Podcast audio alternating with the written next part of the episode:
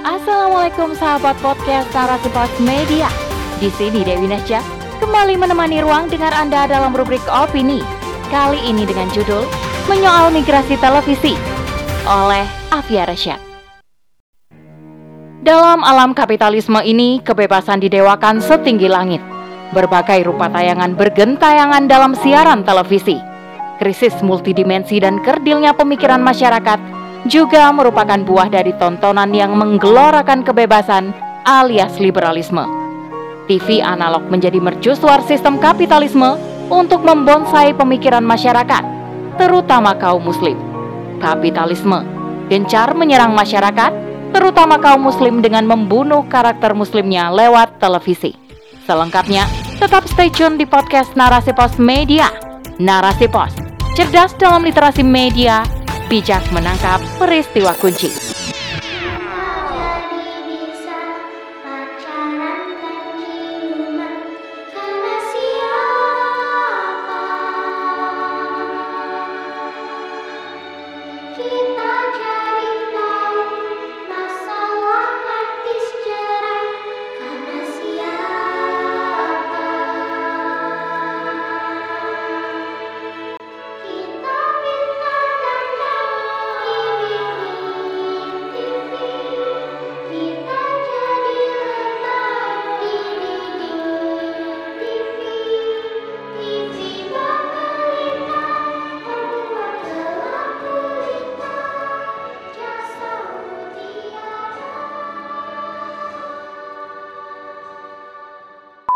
Iya, parodi paduan suara anak SD berjudul TV Jasa Mutiada sungguh menggambarkan sebuah fakta yang terpampang nyata efek dari televisi.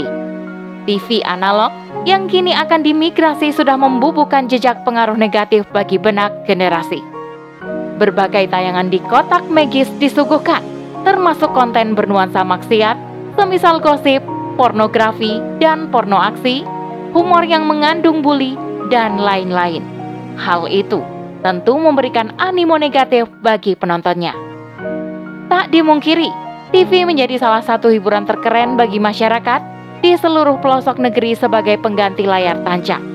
Banyak rakyat terkesima dan menjadikan tayangan-tayangan televisi sebagai tontonan dan tuntunan hidup. Mirisnya, berbagai tayangan tak layak lolos sensor dan ikut mencengkeram pemikiran kaum muslim. Penampakan kekerasan, anak durhaka, bullying, dan sederet keburukan mewarnai tayangan TV di tanah air. Migrasi TV analog ke TV digital telah tersiar dan dimulai. Bahkan mekanismenya juga sudah digambarkan dengan jelas. Sebagaimana dilansir kompas.com, pemerintah melalui Kementerian Komunikasi dan Informatika atau Kominfo mulai menyuntik mati TV analog pada 30 April 2022 yang merupakan proses suntik mati tahap pertama Adapun tahap kedua selambat-lambatnya akan dilaksanakan pada 25 Agustus 2022 dan tahap ketiga pada 2 November 2022. Migrasi televisi di era digital atau revolusi 4.0 sangat wajar dilakukan. Terlebih migrasi ini sesuai dengan mandat Undang-Undang Ciptaker pasal 60A. TV digital disebut-sebut lebih memiliki keunggulan dibanding TV analog.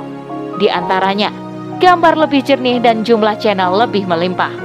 Tawaran menggiurkan ini bisa saja membuat hati masyarakat penikmat TV terpincut. Apalagi dengan channel melimpah, akses tayangan bisa dinikmati sesuka hati. Tak terbayang bagaimana tontonan yang ditayangkan di tiap channelnya. Apakah lolos sensor atau tidak?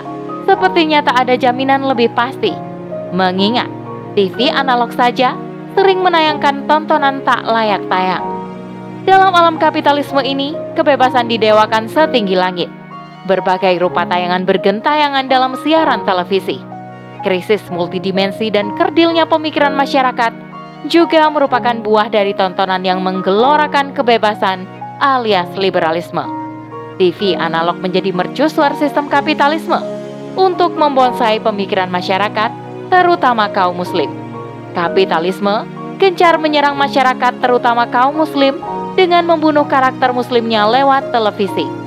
Sudah menjadi rahasia umum, Barat memusuhi ajaran Islam dan kaum muslim.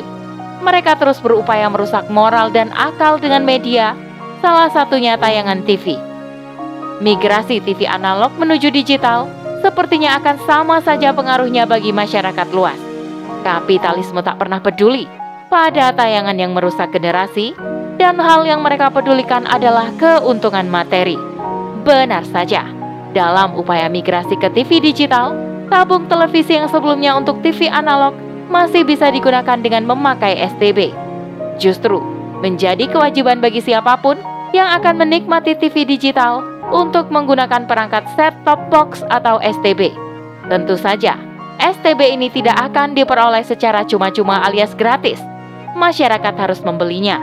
Maka, migrasi ke TV digital akan menguntungkan korporasi yang memproduksi STB tersebut. Barat menjadikan media sebagai mercusuar penyebar opini umum ideologi kapitalisme, salah satunya melalui televisi. Demikianlah wajah kapitalisme merusak kaum muslim dengan mengembuskan liberalisme dalam tayangan televisi, terlebih saat channel semakin banyak setelah migrasi ke TV digital. Belum lagi keuntungan yang akan diperoleh pihak produsen STB. Lagi-lagi, persoalan migrasi ke TV digital akan menambah kusut problematika kehidupan. Tak dimungkiri, media merupakan hal yang urgent dalam sebaran informasi dan komunikasi. Iklamiah atau penerangan dalam Islam berfungsi sebagai sarana untuk menyebarkan Islam. Sebagaimana metode negara yang menerapkan syariat Islam secara sempurna yakni khilafah adalah dakwah dan jihad. Selain itu, Iklamiah juga berfungsi sebagai taskif atau pembinaan, informasi dan sosialisasi kegiatan ataupun program negara serta edukasi. Tayangan berupa hiburan boleh saja, selama tidak bertentangan dengan syariat Islam. Contoh hiburan yang bertentangan dengan syariat Islam seperti tayangan yang berisi pornografi, porno aksi, tahayul, khurafat, syirik, dan yang lainnya. Negara akan terus mengontrol tiap tayangan demi menjaga akidah dan pemikiran rakyat. Setiap wilayah khilafah akan memiliki kodi hisbah yang siap patroli. Badan penerangan sendiri akan menyeleksi dengan super ketat hiburan yang hendak ditayangkan bukan banyaknya channel yang menjadi fokus utama khilafah, namun keterjagaan akal dan akidah umatlah yang menjadi prioritas utama karena memang tugas negara. Bukan sebatas hiburan pelepas penat, apalagi banyak ejekan humor atau bullying fisik yang akan diizinkan tayang. Badan Penerangan Khilafah akan berhati-hati dalam memilih dan memilah tayangan yang bisa ditayangkan di TV ataupun platform media sosial. Islam memberikan rambu yang jelas dalam tampilan dan tayangan media. Suatu hal yang berbau kemaksiatan, menggerus akidah, dan merusak akal akan dilarang dan disanksi dengan tegas sesuai syariat Islam. Televisi dan berbagai sarana media lainnya akan berjalan sesuai dengan standar yang sama, yakni berpegang teguh pada akidah Islam. Wallahu a'lam bishawab. Demikian rubrik opini kali ini. Sampai bertemu dalam rubrik opini selanjutnya. Saya Dewi Nasya kundur diri. Assalamualaikum warahmatullahi wabarakatuh.